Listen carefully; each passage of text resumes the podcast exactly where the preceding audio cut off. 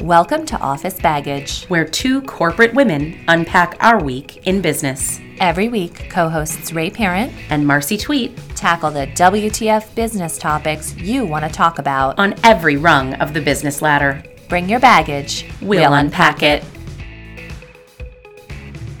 This week on Office Baggage, Marcy and Ray are back in action. We're looking forward to filling you in on what's happened since season two of Office Baggage career changes, location changes, and epic mansplains.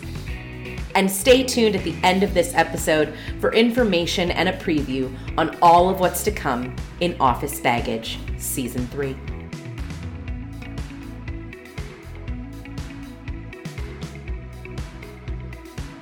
Hey, Ray. Hey, Marcy. We are back. We're back, and hold on. Woo! Woo! Champagne mini or champagne full length, right? I don't know what we're going to get to today. We are first recording back for Season 3. How long has it been? I mean, it was meaningfully pre-graduation. It was April of 2018, I believe, was our last episode. And I feel like the further we get from the last episode, the more angry the vitriol at us not recording gets I'm not gonna. from our listeners. I'm not going to say it's hate mail. That's not full. I'm not going to say it's hate mail, but it's a little snarky. People are a little mad at us that They're- we took a, a healthy 18 month break. People, you need a vacation. I, I can appreciate that 18 months is kind of a long break. That said, it's we've packed a lot into that 18 months. We have. We have. It's been a long break for our listeners and a long break for us, but we have not lost touch during this 18 months. Don't worry. We've still been here. Um, but I think it's a really awesome time for us to come back and bring back a season three. And we'll talk a little bit about what season three is going to look like, feel like um, for our listeners, because it might be a little bit different than what we've done before. But I think overall, we're excited to be back. Super excited to be back. As the beginning of the podcast was, both seasons one and two, entirely driven by Marcy. And I'm kind of along for the ride, although I am committed this time to provide more value other than just proliferation of F bombs and general snarky commentary. I have done my homework. I'm glad. Although, you know, what would the podcast be if it weren't an explicit E in front of all of our podcasts? Well, you know, you're welcome. And also, when you posted on social media that we were coming back, one of our friends did reach out to me and say that there was a pool uh, with regards to how long it would take me to earn our scarlet letter E. But a lot has changed. We'll get into that. I have meaningfully cleaned up my potty mouth because I've switched jobs and nobody swears where I am. That must be horrific for you. I got hives my first week, but I'm doing okay now. So we'll see how we are now two minutes and 37 seconds in, and Ray has yet to drop an F bomb. it's a matter of time. We're drinking. Let's see how it works. We are drinking. because we're not at Kellogg, but one of the things that was kind of cornerstone to our recording, you know, we would record on Friday before classes, and there was zero libation involved in that because we had either we were on our way to lunch or you know whatever we're ladies Yeah. we don't drink before noon i don't need to, to give reasons but we did do a fair amount of recording after class and We there was usually a glass of wine or two involved so this has been great. We've had a couple of margaritas yes and dinner, and now have popped some champagne. So glad to be back. Super glad to be back. Thank So- you. Marcy flew all the way out to my home to do this because, as folks who have listened for a while know, um, I am completely incapable of having a conversation on the phone. She's gonna get better. We always say this every time. We're like, Ray's gonna learn to talk on the phone, and then we don't do it. No, we don't because But we are because I have made us an Excel spreadsheet and an episode plan, and you're gonna stick to it because I'm bored. I'm not sure an Excel spreadsheet can fix my social awkwardness, but let's unpack why you're bored. I am so bored.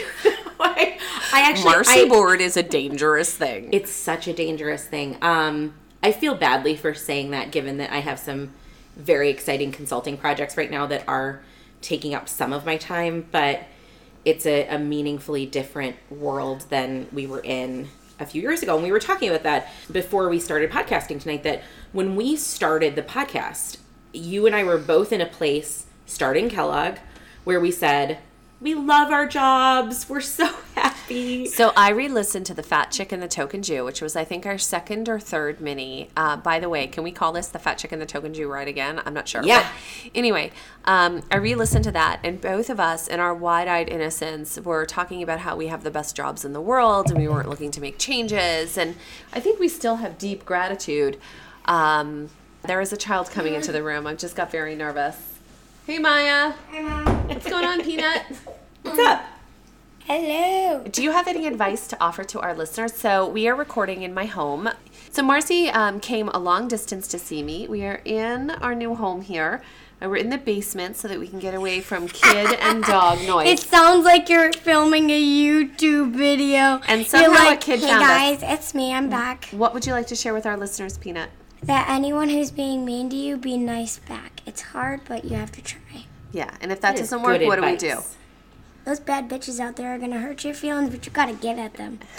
you don't fight back, but you gotta you gotta be the better person.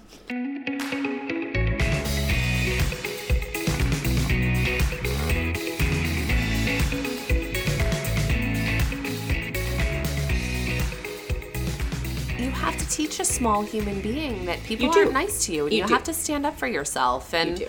I'd rather her not use a gender-specific insult, but she's called boys I'll bitches too. it. I'll take it, man. It's good. All right, Okay. where were we when she came in? Where we were. How do we go back? No, we were talking about how when we started this podcast, you and I were in this very Pollyanna, we love our jobs place. Right, and I'm not sure exactly what shifted for me, but there were a bunch of little things and a couple of big things. One of them being the whole reason I took on that journey at Kellogg was to get more self directed with regards to what I want from my career. And I did very much reach a point where, grateful as I was for all the opportunities that my company had given me up in New England, there was a lot of shifting uh, strategically with regards to how we went about adopting to changes in our customer demographic and changes in our workforce. And the stress of the company made it um, made it really difficult for me to lead with integrity. So made a big change. Made Yeah. a big change.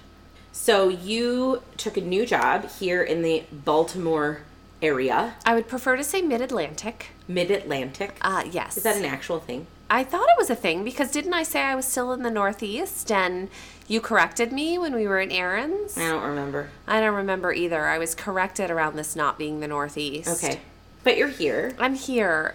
I did the job search for a while. Um, I definitely felt a bit of a mismatch with my current company back around this time last year and really put a toe in the water with regards to what was next for me. Did a fair amount of searching, and I think we're going to do an episode coming up around the job search process and working with executive recruiters and whatnot.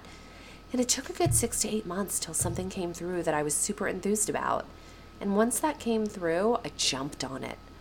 I mean, between the time where the opportunity popped and the time when I was moved down here was two and a half months, Yeah. which was just a whirlwind, but it really underscores. And I kept coming back to something that you kept saying during business school, which is you can do really, really, really hard stuff. Yeah.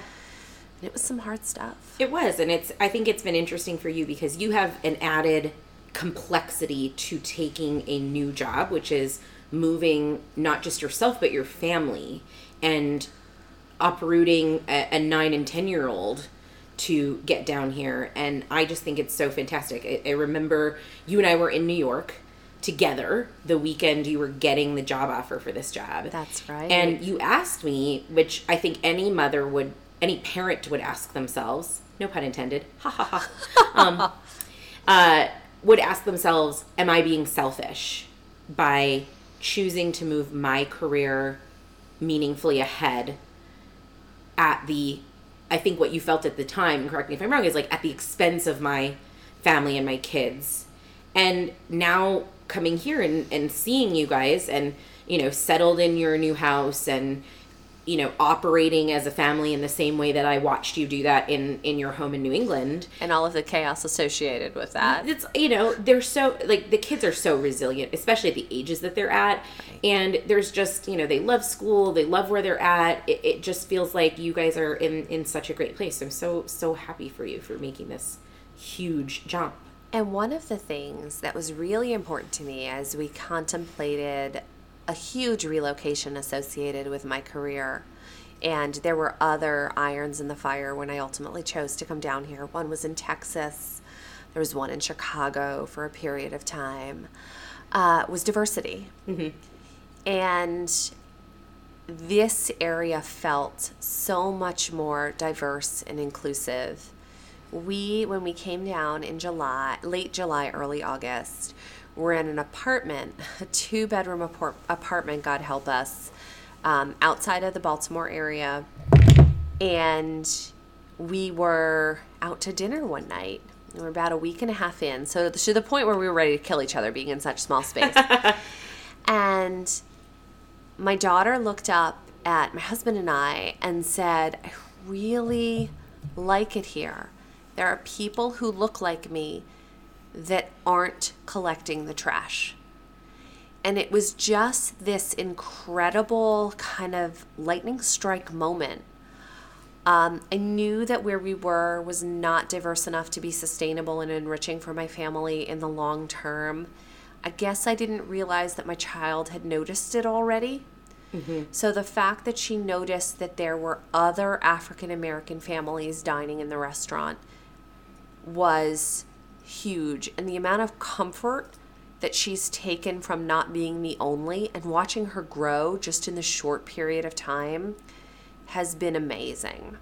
Yeah, it's fantastic. When um, I visited you guys just for dinner when when I was in town, what the first week in October, you guys had just moved into the house, and when I saw your daughter and said, "How's school?" How are your friends? She told me about her friends, and then she told me they were black. And it's it didn't even you know as a white person it doesn't occur to you. And we and some of the things that we've talked about that we were most proud of in the first couple of seasons of, of the podcast were doing the episodes about white privilege and recognizing the differences that we don't have and and talking about privilege in a really open and honest way. And it isn't something i had thought about either. And to hear her say how meaningful that is for her to see other kids like her to see other families that look the same as her or different than her and a lot of diversity it's so incredible and i grew up in a place that was completely not diverse and i think that's a, a, a downfall of, of some of the places in our society that still are like that especially for an african american child Right, right. So that's been it's been really great and it's been a huge part of her getting comfortable. Plus, I mean, you've met my daughter. The kid makes friends in the grocery store when we go in to pick up, you know, limes so we can make margaritas.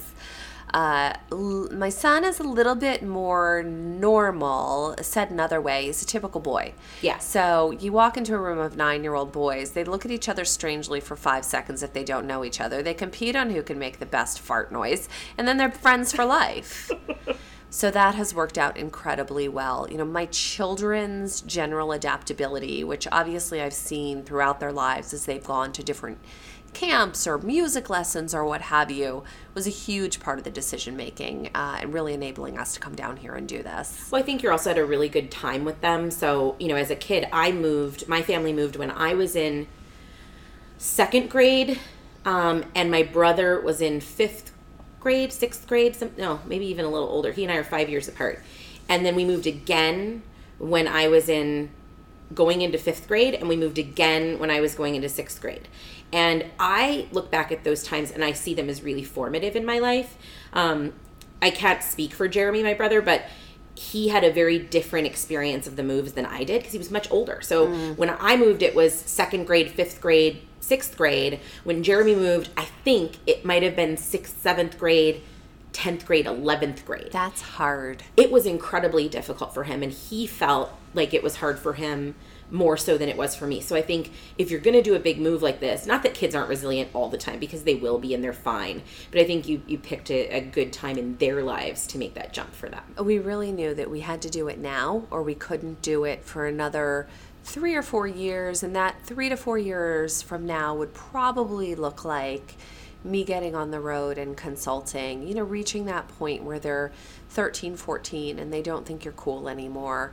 Right, wrong, or indifferent now at 9 and 10, they think I'm awesome.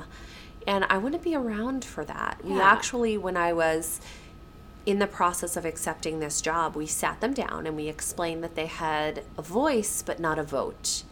And we kind of unpacked two very different options Yeah. for them. Mommy could get on a plane every week, travel to this area, and then come back on Thursdays and be home Thursday, Friday, Saturday, Sunday. And they said no. Their great. perspective was as long as they could stay close, FaceTime visits, etc., with their two to three really good friends in the area uh, back in New England, that they really wanted to come down and be a part of this. And, and I'm just, I'm in awe of their strength and their solid center at nine and 10 years old. Yeah. It's such a different world too today with the technology that we have. I mean, even I'm friends on Facebook with people that I went to school with in second and third grade in St. Louis, and friends with people that I went to school with in, in fifth grade or sixth grade, whatever year it was, in Montana. And it's so funny. And now kids are just, that's second nature to them. Mm-hmm. I laughed, one of our dear friends from school, Ved, years ago, I, I think this was right when we started school, took his daughter to the airport. She was going to fly.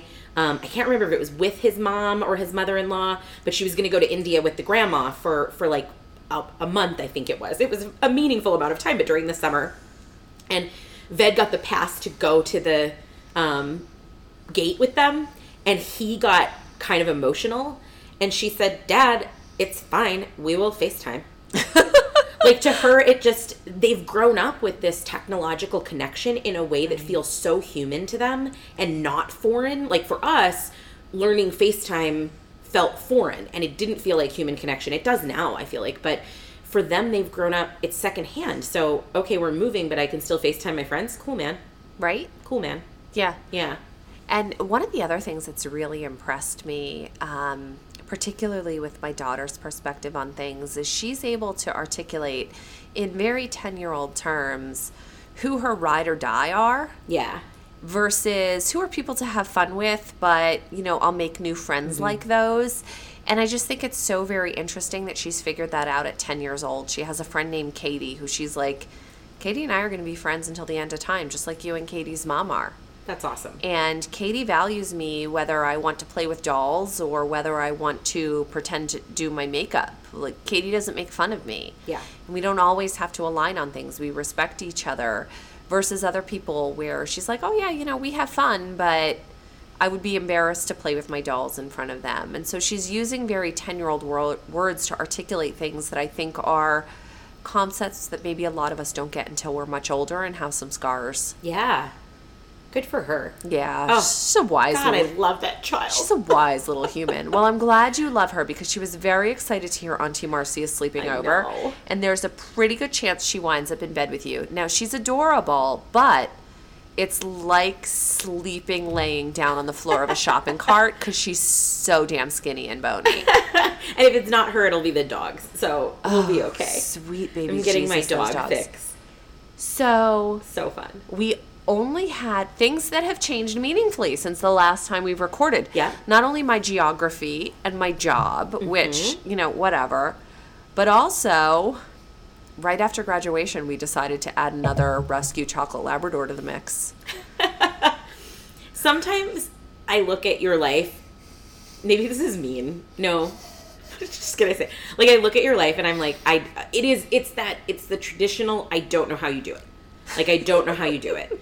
Um, I'm going to hold up my very full glass of alcohol right It now. is. I just don't know. And you you bought like we are sitting in your beautiful home in Maryland and I look at this house and I'm in awe of how amazing it is and then I'm like that looks like so much work. I can't even handle it. Like my 1800 square feet in Chicago in a high rise is hard work for me. I just don't even know. And my cheap ass husband refuses to get anybody to clean it. So I'm like, um, do we just live in squalor my until he realizes we need help? Or I will get my my very um, outsourced happy husband to talk to him because that was I think we talked about this on the podcast. Charlie convincing me to get a cleaning person, which was like pulling my own arm off, but now I love it and I'm super happy. I do actually enjoy cleaning my house. And I understand that Chris enjoys mowing the lawn. But look, there's only so much a human being can do, and it's not.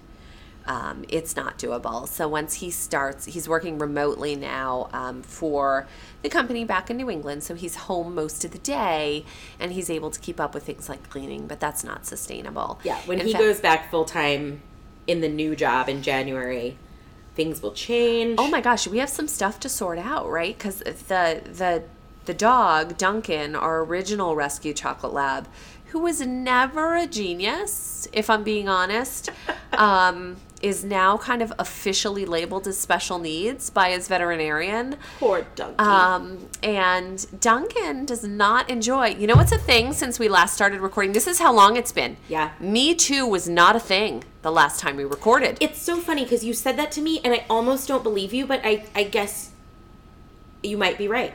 It was I feel like Me Too was a thing, but the Harvey Weinstein stuff had not come out yet. right. There was no Me Too was out, but Harvey, the Harvey Weinstein stuff was. Yeah, and Me Too wasn't really crusting. It was Right. out, but it wasn't crusting. Um, Which I want to find.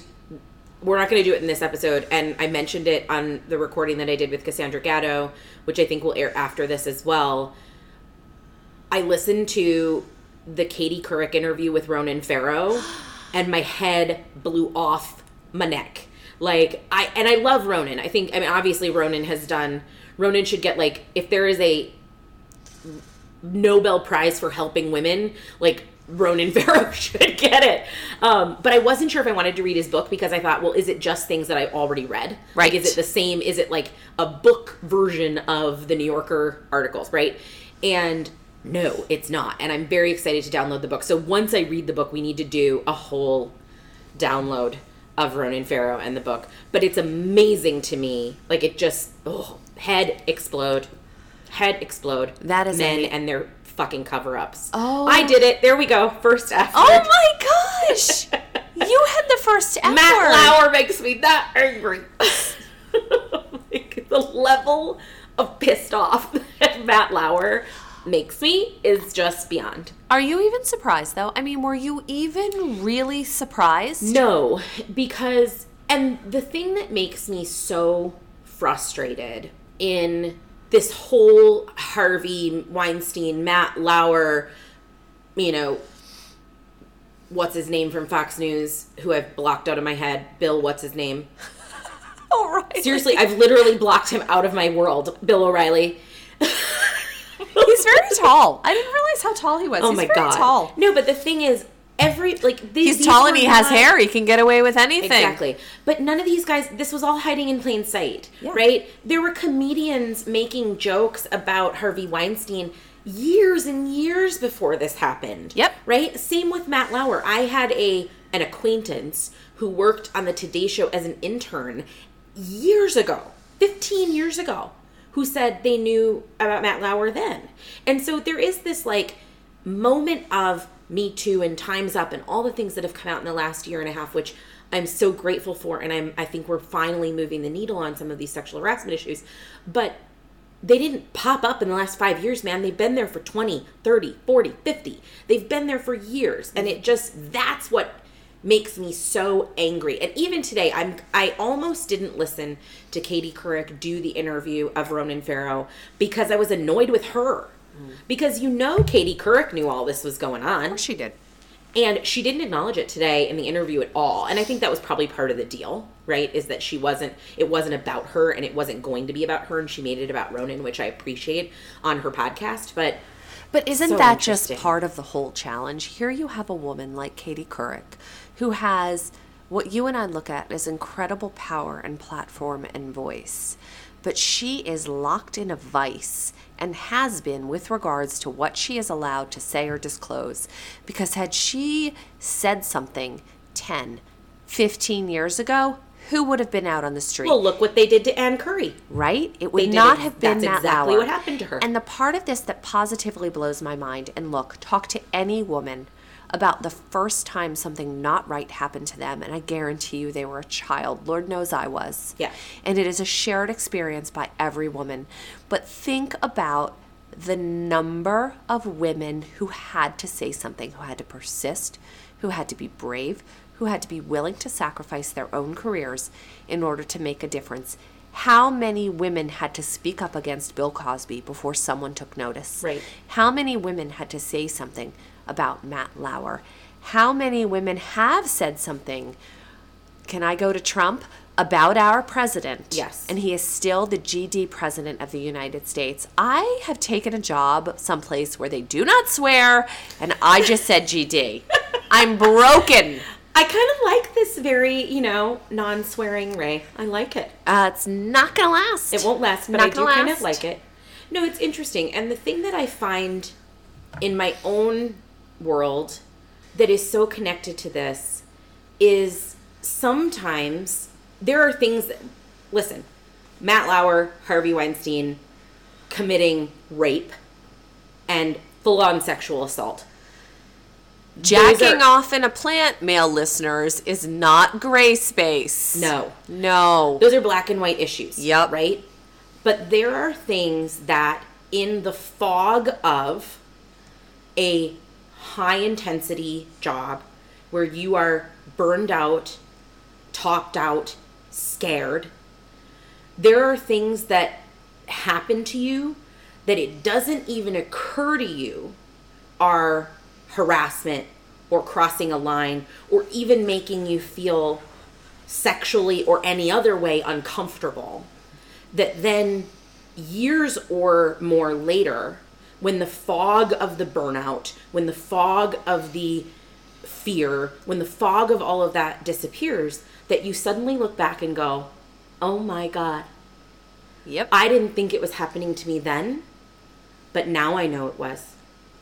And that's where I have so many, so much empathy for the women who have come forward years later because I know what it's like to convince yourself that he, whoever that is, he's not really making me uncomfortable. I'm just Too sensitive. tired, upset, angry, like whatever that is. Emotional. he didn't mean it that way, right? Like, oh, it's okay.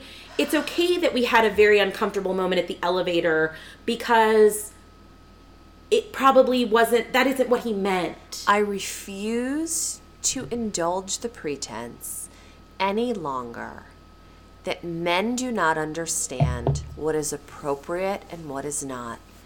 Would you touch the shoulder of another man that way? No. Then don't touch mine. No. Would you put your hand on the back, lower back of another man that way? Then don't do that to me. Would you hug another man? Would you kiss a man on the lips? This is. Mm. And I have defended it. I have defended it so many times. That's just who he is. He's just. Oh my god, that's like, my favorite. That's, That's just, just who, who he he is. That's just his style. And it especially comes from situations where you are abused in the workplace, where you are treated Im- improperly in the workplace on a non sexual level. Then it's almost when that person does show you some affection in some way, you go, oh, thank God they're not yelling at me, scoffing at me, rolling their eyes at me. They're doing something nice to me or caring for me. So somehow I should be. It's grooming. It's the It's- exact same grooming pedophiles do to little kids are the things that is happening. I mean, it's just. It really and truly is. And I've Our ketchup episode has turned into Oh my gosh, we're rant. meaningfully ranted on this. And I also look, I'm 10 years older than you. I work with and, and even in my prior job was in a was in a wide generational bucket. Yeah. A lot of the people who worked for me were in their 60s. I- We had a couple dudes in their 70s. Were just delightful. They would talk a little bit about this new world that we're in It's not a new world. We never liked you touching us. Now we just don't have to lose our fucking jobs for saying something about Yeah. it. A hundred percent. A hundred percent. So anyway, we brought this up because Duncan, my special needs dog. Oh, so as we face the idea of my husband going back to work full time outside of the home, one of the things that we were counting on was professional doggy daycare because that's the kind of life we live. And Duncan was asked not to return. Apparently, there is a dog in daycare who is a regular who likes to mount the other dogs without permission. And when Duncan sees the mounter coming, Duncan reacts aggressively. And the people in doggy daycare were lovely, but they did not appreciate my perspective on victim blaming and victim shaming. And so You said they mammed you. they mammed me. I got mammed like three times. Ma'am, this isn't the same. Ma'am, they're dogs. They hump. Like, I mean, so do dudes, but yeah, no. That, Wouldn't it be fun if every time like a dude tried to hit on you in the workplace, you could bite him? would be amazing. like Duncan's tactics are My- working. My teeth marks would be in so many motherfuckers. Oh, oh my god. I love it. Oh my lord. Oh god. So funny. So we're back. So we're back. So we've talked about me. Yeah. Let's talk about you because you've shaken things up a lot in the last year and a half. Yeah. Yeah. Shaking things up is a nice nice way to put it. I think you know, it's interesting knowing that we were coming back. I thought long and hard about how candid I would be about what's gone on in my life in the last um, 15 months. And the joke I keep telling, but it, it sort of isn't a joke, is that 2018 tried to kill me and 2019 is in cahoots with 2018 like a lot of people who who have been through an MBA and and like you did, I started the program blissfully happy and Pollyanna and unaware of the possibility of even leaving my organization and I ended the program in a very very different place um, with very different relationships with the person I reported to How much of that do you think was fueled by resentment or threat on the part of that individual? Or was there resentment around the amount of time that you needed to take? We've talked on the podcast around, you know, I've, I've gone back and listened to a few episodes. Going into that last year, we had to take a lot of time to harvest the value from the program. Did, was that cause for resentment? I don't know that the time was. I think that resentment was a part of the issue. I was a part of the issue. I own my own culpability in in the degradation of the relationship I had with my former boss. And I think that person also has a, a great deal of culpability. And some of that culpability was resentment. And uh, maybe that goes too far to even say. At the end of the day, I stayed too long at the party. That that's the truth of um, what I've learned about the end of my time in my last corporate job is that when you are actively entertaining the idea of leaving, it's time to leave. And I went through. I left my corporate job in June of 2018. So I- a hot minute and 30 seconds after graduation. 12 days 12 days after graduation um, you know as long as you're going to have change might as well do it all at the same time Bring it, sister. but i had had a job offer on the table for a company that i was excited about the f- fall before that i think it was october right october november and I was very scared. And we watched some of our classmates, right, take jobs in the middle of our program, and it is brutal. Yeah. Um, I switched twice in the same company, Yeah. and it was just it's awful. It's hard. Taking a new job, having to reacclimate that new boss, new company to the fact that you're out of the office, you're taking time, and especially in that last six months where I had three electives and three, you know, all these different things. So I had a job offer on the table um, in Texas, and first of all, did not want to move, wasn't ready. holy Jesus, Texas. Yeah. Right? Like I interviewed in Texas too, and I was like, what? I can't believe they didn't have to stamp my culture passport shock. going in it's there. a culture shock. It was 104 um, when I was there. It took, and that was May. It took four days for my hair to forgive me. Like I don't get it. I'm not Now, gonna lie, we that was a a part of my decision making process. We have a friend from that area from Texas. We do. And she's always gorgeous and beautiful. And I'm like, what did you sell your effing soul?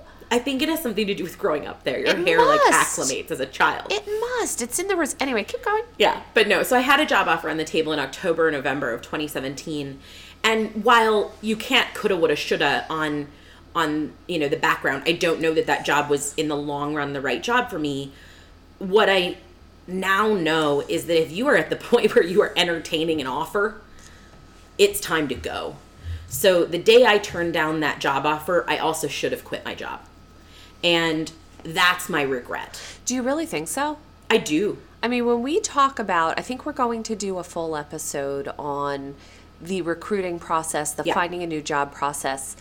Um, there, there's a there there to talk about with regards to the strength of negotiating position when you have a job That's fair. versus when you don't. Um, it's something that me and a few colleagues talk about now because I have a few colleagues that are very much looking, and it's all right. I'm gonna I'm gonna hold on to my position even though it's kind of sucking my soul dry Right. because.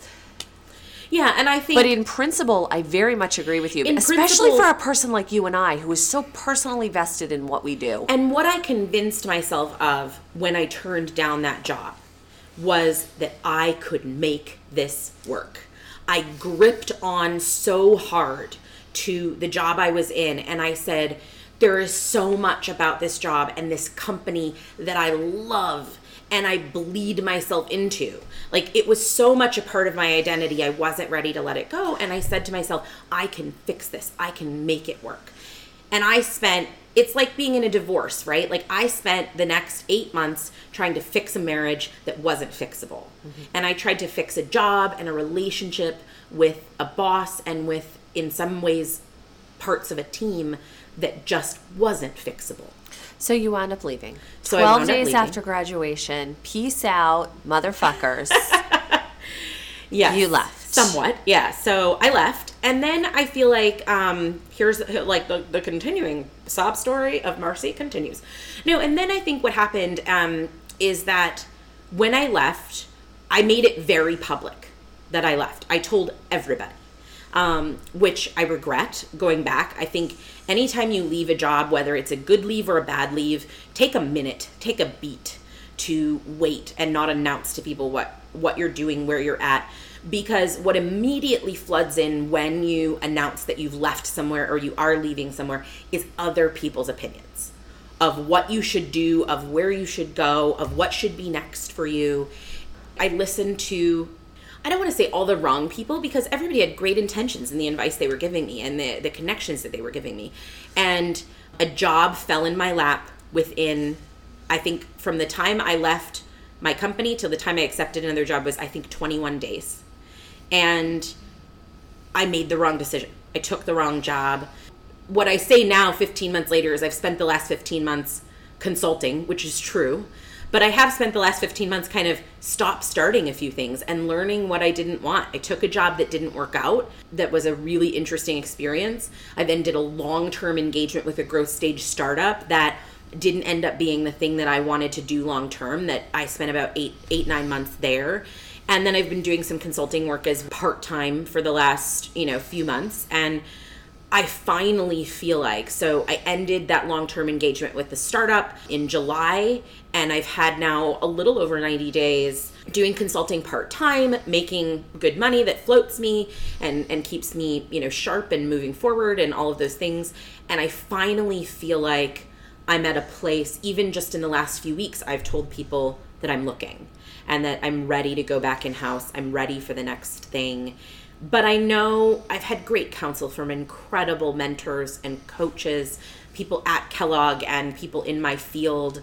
And I know that the job search can take, you know, a year, God help me, to get into the position I want to get in. And I'll consult in the meantime. And, and I'm in a lucky, privileged, grateful position to have the ability to get consulting work and to work with really cool nonprofits and corporations on really awesome projects for the moment. So that's where I'm at. And I think our, our listeners, as we record season three, will hear my take on my own job search and I'm happy to be open about it and where I'm at and I think the hiring process is not a human one and it needs to change and I think you know you have to navigate your way through this roller coaster of do they like me do they not like me and is this the right job and isn't it and I think it it takes standing in your own power and knowing what you want, what's important to you, and being able to say no to things. And that's something that I didn't do in 2018. I think I was so shaken by everything that happened and the last six months to a year in my corporate role that I I made decisions from a position of weakness and not a position of power. And today I feel like I'm in a very different spot to make the right decisions going forward. Yeah, you've really had time in the last 15 months to reflect on what you truly want and digest the fact that, you know, you're not asking for too much in that. There was a little bit in that first job acceptance of, I'm going to take it because they like me. Yeah. And, you know, from the sidelines, okay, you, you do you. You're a grown up. You can make that decision. But, gosh, everybody who gets to know your skill set is going to see that value there. That, to your point around the job search process being an inhuman mm-hmm. one, the blockers that particularly executive recruiters have relative to understanding your skill set, looking at a graduation year from undergrad and making decisions based on your age. As I searched, the amount of technology jobs that went to meaningfully less qualified candidates that happen to fit a technology physical profile better than I did, um, very, very frustrating Yeah. and there there's a it takes a lot of strength to power through those experiences it can be very destructive to your self-esteem Yeah, it does. And I think the mental toll that that it takes. We'll talk about this in the job search episode. It's an interesting path and it's been a fascinating moment for me. So we'll talk about this throughout season three. I'm talking about this with our interviewees and and with you. But it's part of the reason i wanted to bring this podcast back because admittedly i'm a little bored. You're a little bored. I'm a little bored. I have gr- I have super super cool consulting projects on my plate, which I love doing. But um, none of those projects is paying me for like a full 50 60 hours a week. So I inevitably always have some time on my hands and you can only watch Friends so many times. So let's talk about we were going to do a mini episode and we're now 47 minutes in. this is how we work.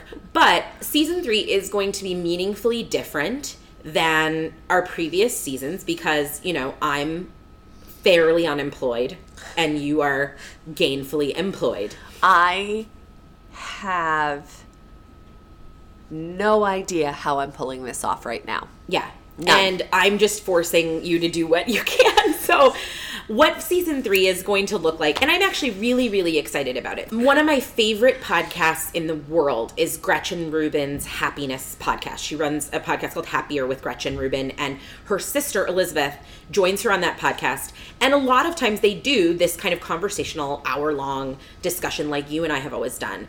But they also do a lot of really cool interviews and a lot of podcasts. I mean, my God, almost every podcast I listen to is an interview format. And you and I have had a different kind of podcast that we haven't done as many of those, although we have done a lot of interviews, but we haven't done as many of those. We've done a lot more of you and I talking. So the way that season three is going to play out is Ray and I will do some of these podcasts where you get an hour of the two of us whenever I can come to Maryland or you can come to Chicago. We will record some of those. We're also going to do some phone recordings. I think every podcast people will get a little bit of us. Maybe it's 10 minutes, maybe it's 15 minutes, followed by an interview. Um, and we're going to kind of see how that goes. But we're bringing onto the podcast um, women that are doing really cool things in their career and can talk to us about really cool things that they're doing and share with you their experiences as well. So I think it's going to be a rich and very diverse season. I am really excited for it. I'm so grateful to you for having the idea and uh, including me in these sessions because let's be honest, you've always been the well researched voice of reason, and I just say boneheaded things and make people laugh. That is not true, but I appreciate it. We are continuing to pour champagne, but this has been a great catch up and I think a great introduction back to the fat chick and the token Jew ride again. so, what if the standard stuff from last time are we going to do? Is there space for mansplaining? There is because hundred percent space for mansplaining. Oh I my have gosh. the best stories from the last 18 months. I'm sure you do as well. Oh my gosh. And it's not just mansplaining anymore. There's pride splaining. I'm not a homophobe, but, But. insert and oh my gosh, you know what I've heard so much of? What? Particularly as we've gone through the current muck of our political environment and the immigration stories that have emerged over the last 12 months. I call it clansplaining. Oh, God. I'm not a racist, but, But- look at friends. It's like the equivalent of saying, let me play devil's advocate. It's never good. Don't it's do never it. good. If you have to preface something with, and I know I'm preaching to the choir here because people wouldn't be listening to us if they were really not on the left tail like we are, but um, if you have to preface it with, I'm not a racist, you're about to say something really racist, stop. Don't Absolutely. say it.